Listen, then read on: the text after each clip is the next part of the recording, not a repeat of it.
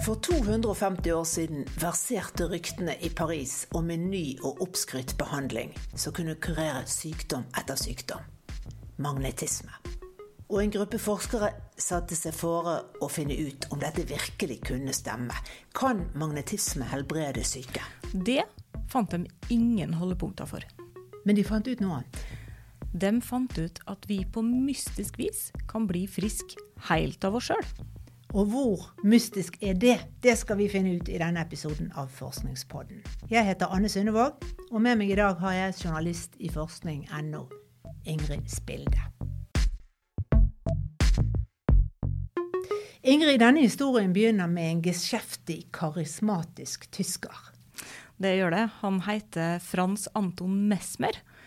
Og han mente rett og slett at han hadde oppdaga en mystisk, usynlig kraft. En helt spesiell kraft, må vi vel kunne si. E, en type magnetisme som strømmer gjennom alt levende. Og han kalte det animalsk magnetisme. Og ubalanse i denne krafta, det kunne gjøre folk syke. Men med de riktige redskapene, magneter f.eks., så kunne man gjenopprette balansen i kraften og gjøre folk friske igjen. Og Mesmer han oppdaga beleilig nok at uh, han sjøl faktisk hadde denne krafta, og, og, kunne kontrollere den, på en måte. Og han brukte den til å behandle folk med, og snart så summa Paris av historier om pasienter som var blitt kurert. Og på venterommet til Mesmer, der ble det jo da trangt om plassen etter hvert. For det er jo så mange som er syke og vil bli friske. Og det er jo bare én Mesmer. Men Mesmer er en, eh, som du sa, geskjeftig fyr. Han hyrer inn assistenter. Og så gjør han en veldig kjekk oppdagelse til. Han finner ut at han kan vifte med hendene eh, og gjøre liksom bevegelser over vann. Og så magnetiserer han vannet. Og da kan han jo putte det vannet oppi tønna, som han lager et slags sånn instrument av, hvor det stikker sånne metallstenger ut av tønna. Og så kan pasientene sitte rundt og holde i hver sin metallstang, sånn at de kommer i kontakt med magnetismen. Og så går Mesmer eller assistenten rundt og dirigerer denne krafta til riktig sted på kroppen eh, der de trenger å bli helbreda. Hvem er pasientene? Jeg tror det er overklassen og mange damer som sitter sammen i dette store rommet. og det er En av assistentene spiller litt sånn overjordisk musikk på et uh, rart instrument som kalles glassharpe. Det blir veldig sånn spøkelsesaktig. Og reaksjonene lar ikke vente på seg. De, uh, pasientene de skjelver, og de besvimer, og de uh, rister. Uh, man kalte det å bli mesmerisert, og så blir de friskere. Du sa de ble mesmerisert, mm. sant? Og hypnose det het faktisk mesmerisme i mange år, det, før vi gikk over til å kalle det hypnose pga. denne mesmer. Men som alt som er for godt til å være sant, så skulle ikke denne animalske magnetismens helbredende kraft vare. Nei, dessverre ikke. Ryktene gikk jo i eh, Paris, og mm, dette her kom Ludvig den 16. for øre. Og dette var jo opplysningstida, og han eh, begynte å stille spørsmål. Finnes det virkelig en sånn magnetisk kraft som eh, finnes i menneskene? Så han nedsatte en kommisjon med mange av datidas eh, store vitenskapsfolk. Eh, og den var leda av Benjamin Franklin. Han var amerikansk både oppfinner og politiker. Og for tida så var han da USAs første ambassadør i Paris. Han hadde jo vært med på å lede den amerikanske revolusjonen, og nå sto han liksom i starten av å lede en annen revolusjon. Som skulle bli en av medisinens største vendepunkter. Eh, fordi når de skulle prøve å finne ut uh, om denne animalske magnetismen faktisk eksisterte, så satte de opp eksperimenter som gikk ut på at pasientene fikk bind for øynene. Um, for da så de jo ikke hvor behandlerne var, og hva de gjorde. Nei, en, en blindtest? Rett og slett en blindtest. De satte opp mange forskjellige typer tester Eh, både med bind for øynene på pasientene, og hvor de brukte vann som de sa var magnetisert, men som faktisk ikke var det. Eh, og så testa de det i flere omganger. Og hva fant de ut? De fant jo ut at pasientene ble friske. Ja. Men også at det ikke hadde noen ting med magnetismen å gjøre. Fordi pasientene ble friske av helt vanlig vann, også de som ikke var magnetisert. Mens eh, andre ble ikke friske av det magnetiserte vannet. Kort sagt, dem som trodde de fikk behandling, følte seg friskere. Dem som ikke trodde de fikk behandling, følte ingenting. Det eneste som betydde noe, var hva pasienten sjøl trodde. Der sa du det. Det eneste som betyr noe, er hva pasienten selv tror. Og dette var den første vitenskapelige placebokontrollerte blindstudien, kan vi si det? Ja, jeg tror kanskje vi kan si det. Og den ga oss jo flere viktige svar. Spesielt to. For det første så viste den jo at eh, animalsk magnetisme ikke ser ut til å eksistere. Men ikke minst at mennesker har en slags mystisk evne til å bli frisk av seg sjøl, hvis de bare tror på behandlingen. Ja, Og det er klart at dette må ha vært mystisk. For nå er vi jo i opplysningstiden. Vi er på 1700-tallet, Ingrid. Hvor opplyste mennesker velger å tro på vitenskapen, ikke på religiøse og overnaturlige forklaringer lenger. Men hvordan skal de da forklare at mennesker blir friske eh, av ingenting? Av å tro? Ja, det er jo ikke så lett. Og det skal nok gå mange år før vitenskapen eh, får noen gode svar på det også. Men tanken er jo planta da, ikke sant? Hvor du tenker at eh, hvis du styrer dette på riktig måte, så kan du jo snuble over et helt fantastisk redskap for leger. Og Franklin sine eksperimenter de antyder jo faktisk at nærmest et hvilket som helst godt behandlingsresultat i virkeligheten kan skyldes pasienten sin innbilning. Og det leder jo til at man må tenke at hvis man skal finne ut om en medisin virker, så må man sammenligne med narrmedisin, altså placebo. Og det er litt sånn som mange tenker om placebo i dag også som en litt plagsom illusjon som vi må skrelle bort i forskningen for å se hva som virkelig hjelper. Så feil kan man ta. For uh, altså placebo det handler rett og slett ikke om innbilning. Det vet vi i dag.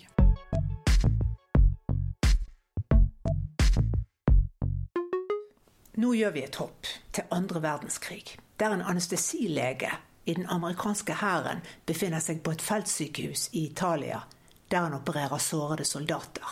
Det forteller psykologspesialist Borrik Skjøtt. Han eh, beskriver det at eh, han var i feltsykehus, skulle operere, hadde morfin. Plutselig så gikk de tom for morfin. Eh, så ser han sykepleier som da ser at her har vi ikke mer smertestillende å gi at hun fortsetter som om de hadde smertestillende å gi. Og det hadde en ikke full effekt, men relativt god effekt på pasientene. Legen han het Henry Beecher, og han skjønner ingenting. Hva i all verden er det som skjer? Og så fortsatte han med hele problemstillingen og begynte å sammenligne da militære med store skader i fronten Eh, og eh, sivile med tilsvarende skader i det sivile. Og fant at militære med store skader de hadde mye mindre smerter enn eh, en sivile med tilsvarende smerter. Og Hans konklusjon på det var det at når du er en militær i fronten, og det skjer noe alvorlig skade med deg, så får du to gode meldinger på en gang. Det ene er at altså, du våkner opp og har vondt. Da vet du at du lever. Det er gladmelding nummer én. Og gladmelding nummer to er at du ble trukket vekk fra fronten. Så hele det at du kjente smerte, plage, ødelagt bein eller hva det er, det hadde en helt annen type betydning enn for de sivile. Eh, og det var Beecher som så innførte eh, systemet med at vi må ha placebo-kontrollerte studier i en artikkel ti år seinere. For fram til nå så var placebo oppfatta som narrmedisin og ikke noe annet. Og det var først og fremst leger som brukte det, forteller Schjøtz. Leger som, eh, som, jobbet med alvorlig syke og gjerne døende pasienter og ikke hadde noe effektiv medisin, og tenkte at det er bedre å gi noe som pasienten opplever er et tiltak, enn å ikke kunne gjøre noen ting i det hele tatt. Og etter at Bidja publiserte sin studie i 1955, så fikk placebo en plass i forskningen. I alle kontrollerte studier av nye medikamenter. Så da ble det et krav om at hvis du skal prøve ut et medikament, eh, så må halvparten få det effektive medikamentet, og halvparten få placebo. Og placebo var da f.eks. en saltpille eller en sukkerpille. Eh, og så så man eh, om effekten av det ene var bedre enn den andre. Så det kom inn som krav. Men så begynte det å bli litt interessant når man så at det var faktisk veldig mange av disse som fikk placeboeffekt, som også hadde en reell effekt. Altså som fikk placebo-medisin som hadde en reell effekt. Eh, og da begynner jo tanken hva er det da som skjer? Eh, er dette bare innbilning? Er det forventninger? Hva er det for noe? Og det området som man kanskje har jobbet mest med dette, det er først og fremst innenfor smertefeltet.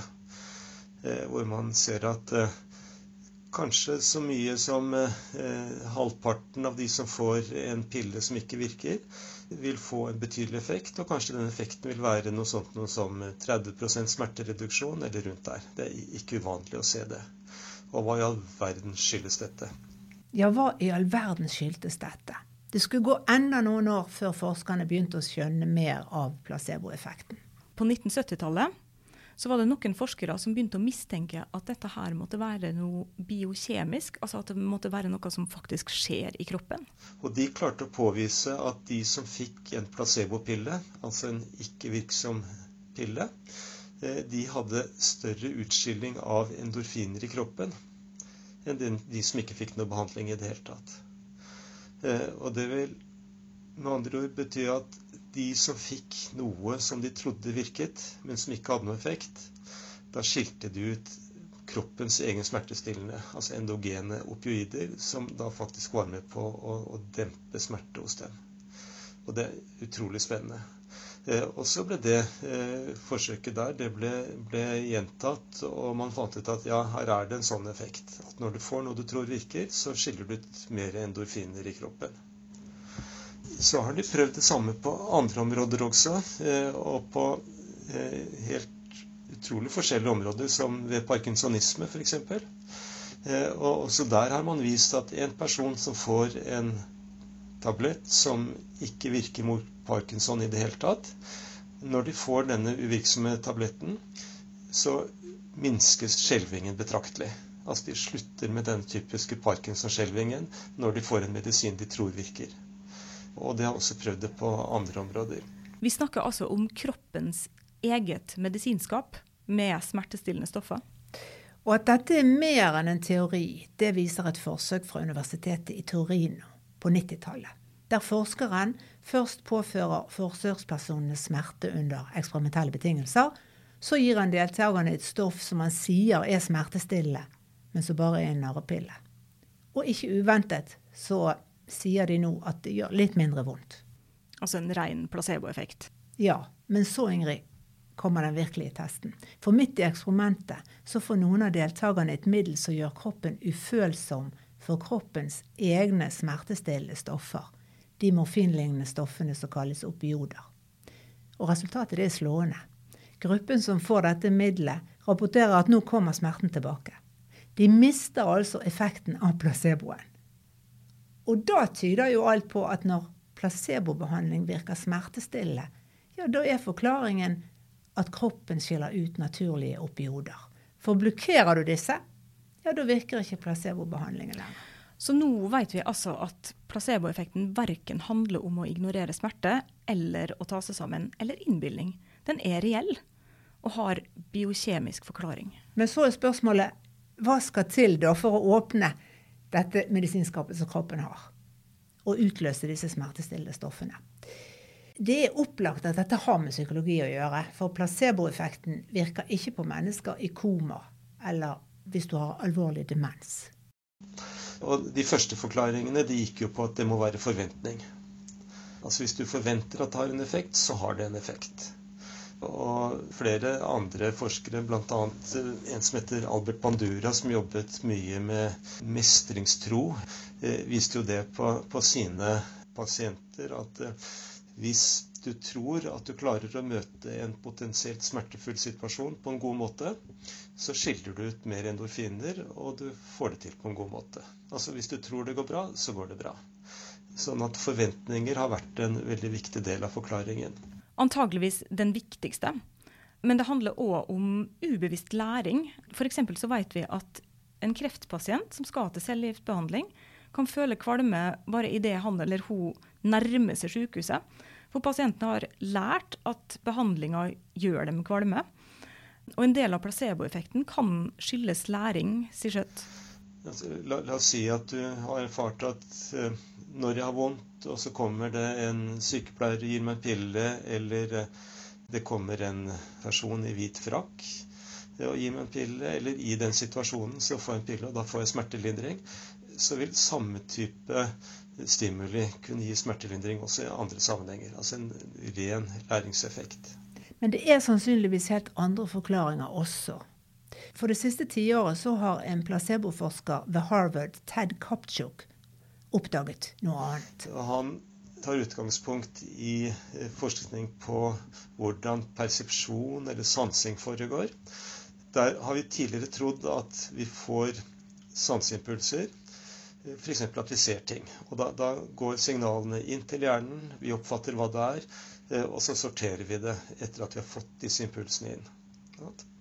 Altså du, du ser et kjent ansikt, tror du omrisset av et kjent ansikt, og så lager du det til et kjent ansikt i hjernen din. Men så kan det se ut som om eh, de forventningene vi har, de påvirker selve sansingen. Altså hvilke synsinntrykk vi får inn. Så du tror du ser et kjent ansikt, og dermed så blir synsinntrykket påvirket. At det som kommer til hjernen din, det er impulsene fra et kjent ansikt. Så det vi sanser, er prega av våre forventninger og erfaringer allerede før disse sanseinntrykkene når hjernen vår og blir bearbeida der?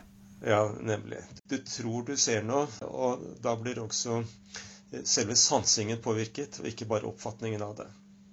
Og Han viser til et forsøk som han var med på, hvor de tok 80 pasienter med irritabelt tarmsyndrom. Altså de hadde store mageplager.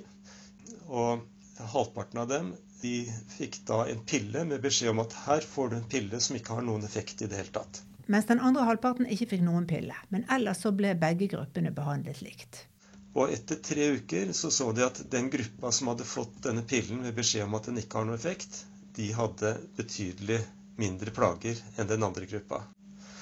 Så de har altså fått en behandling som de fikk beskjed om ikke virket, og så virket den. Og hans tolkning av det er det at eh, de sanseinntrykkene personen som fikk pillen, fikk, det er at nå får man noe som fornuften sier at det virker. Selv om de rent bevisst hørte at det ikke virket. Så at kroppslig eller mentalt, eller hvordan det nå enn skjer, så innstilte personen seg på at dette har en effekt.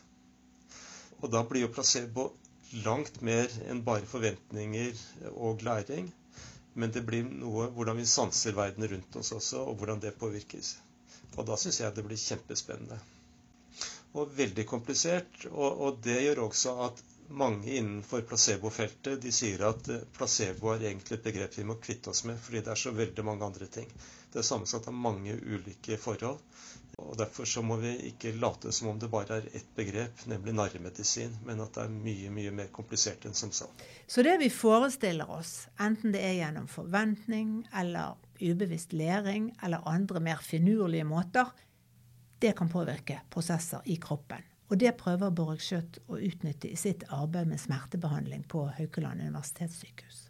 Hvis vi ser på smerte, som jeg jobber med, så kan jo det da bety at hvis du tror at det går bra med deg, hvis du tror at du får en behandling som virker, hvis du tror at du vil få mindre smerte, så kan det godt hende at kroppen gir deg rett ved bl.a. å skille ut en del stoffer som, som lindrer smerte.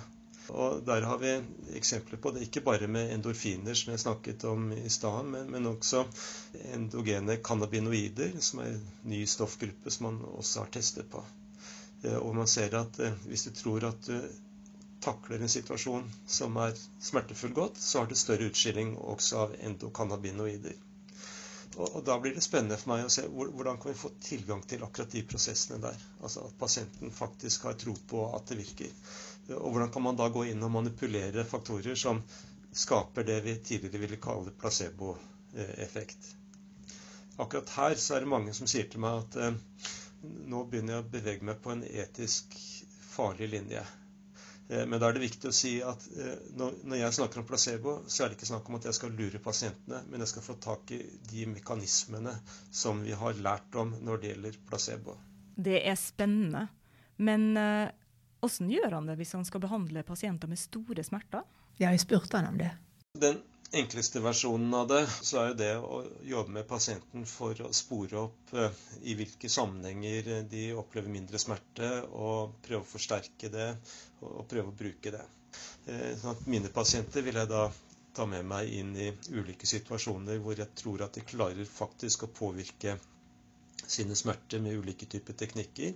Eh, og hvis de da vil oppleve at de har mindre smerte, prøve å, å forsterke det ved å be dem legge veldig merke til det og få dem til å få teorier om hva som skjedde, og, og virkelig utnytte det skikkelig, det at de har opplevd mindre smerte i den situasjonen. Mye av forskningen på placebo har dreid seg om smerte. Det er her placeboeffekten er best dokumentert.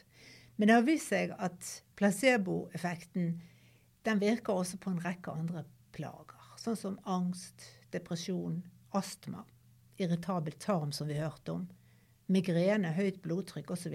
Flere andre. Men det mest fascinerende eksempelet det er Parkinsons sykdom, Ingrid. Ja, det er ganske utrolig.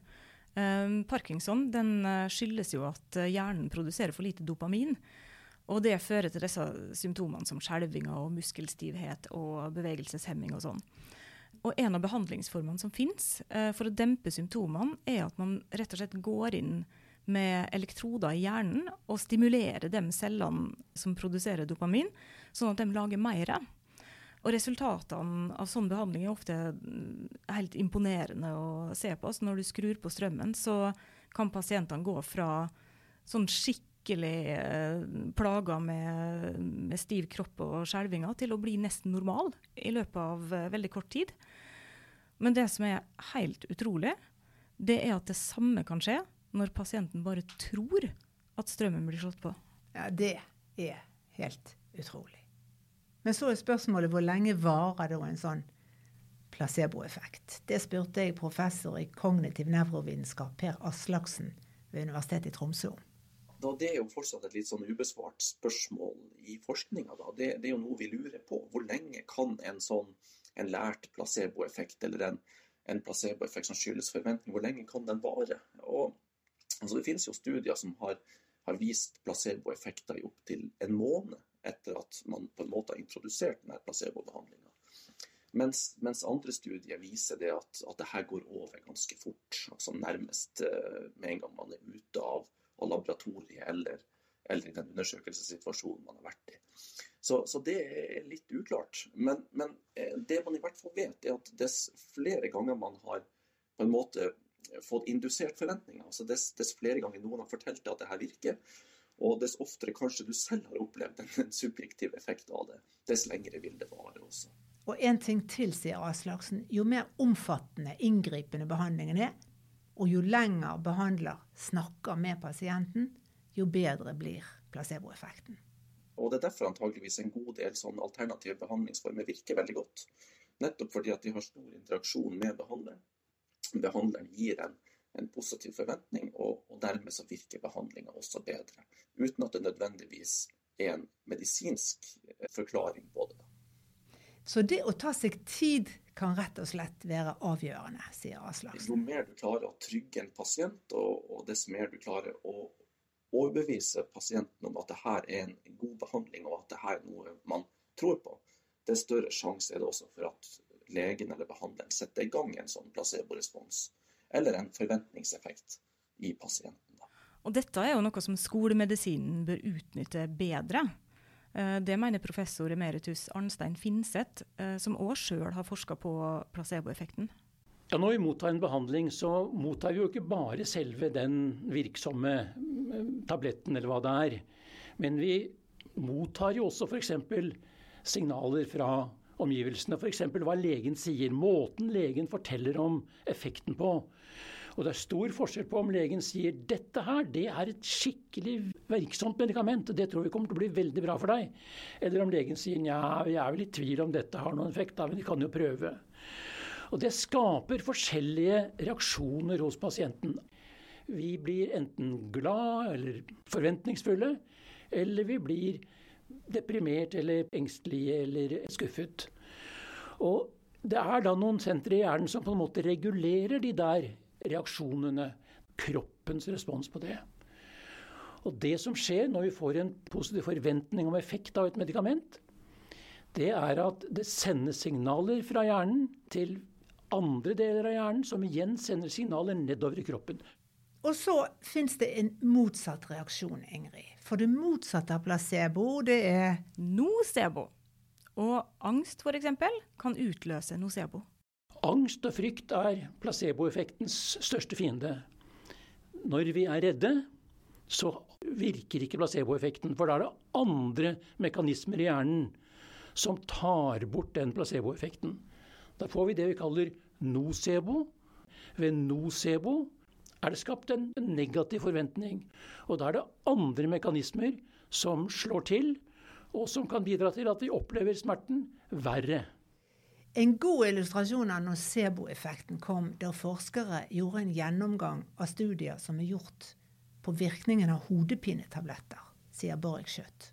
Og da så man at omtrent 10% av de som fikk placebomedisin, når man prøvde ut ulike medikamenter. Omtrent 10% av de som fikk uvirksom medisin, de måtte avbryte studiene pga. bivirkninger som de ikke klarte å håndtere. Bivirkninger av en uvirksom medisin. Og Det blir jo det samme som med placebo. At du forventer en negativ effekt av noe, og så får du en negativ effekt. La oss si at eh, du får en medisin som er ukjent for deg. Og så tenker du at denne medisinen her, den er ukjent, så jeg må vite litt mer om det. Så gjør du sånn som de fleste gjør, du går og googler. Og da kommer du kanskje inn i felleskatalogen, og så ser du en liste av bivirkninger på den medisinen. Og når du ser den listen av bivirkninger, så tenker du ja, jeg kjenner jo egentlig litt grann kløe i håndflatene. Og så har jeg vært litt søvnig de siste to dagene. Mon tro om ikke det er, er pga. medisinen. Og så vil det sannsynligvis forsterke det, sånn at du får det enda dårligere. Og det er jo kjent fra klinisk praksis. Vi ser en god del av det. At eh, personer som leter etter bivirkninger, de vil også ofte få bivirkningene.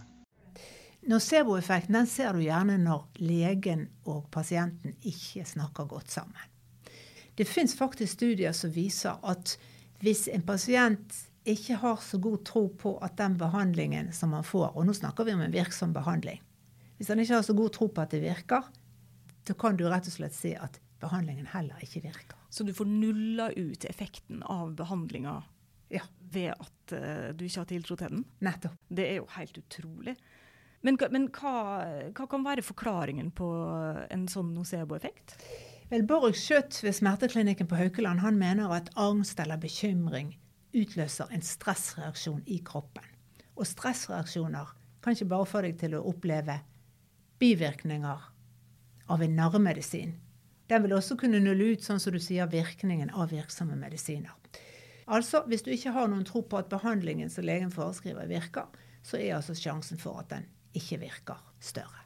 Men uh, helt til slutt, uh, Anne. Det er jo sånn at vi reagerer ulikt på uh, forskjellige ting alle sammen. Så hvor avgjørende er egentlig din personlighet for at uh, placeboeffekten eller noceboeffekten skal slå til akkurat hos deg? Vel, personlig så tror jeg at uh, jeg er ganske mottagelig for placeboeffekten. ja vel, hvorfor det?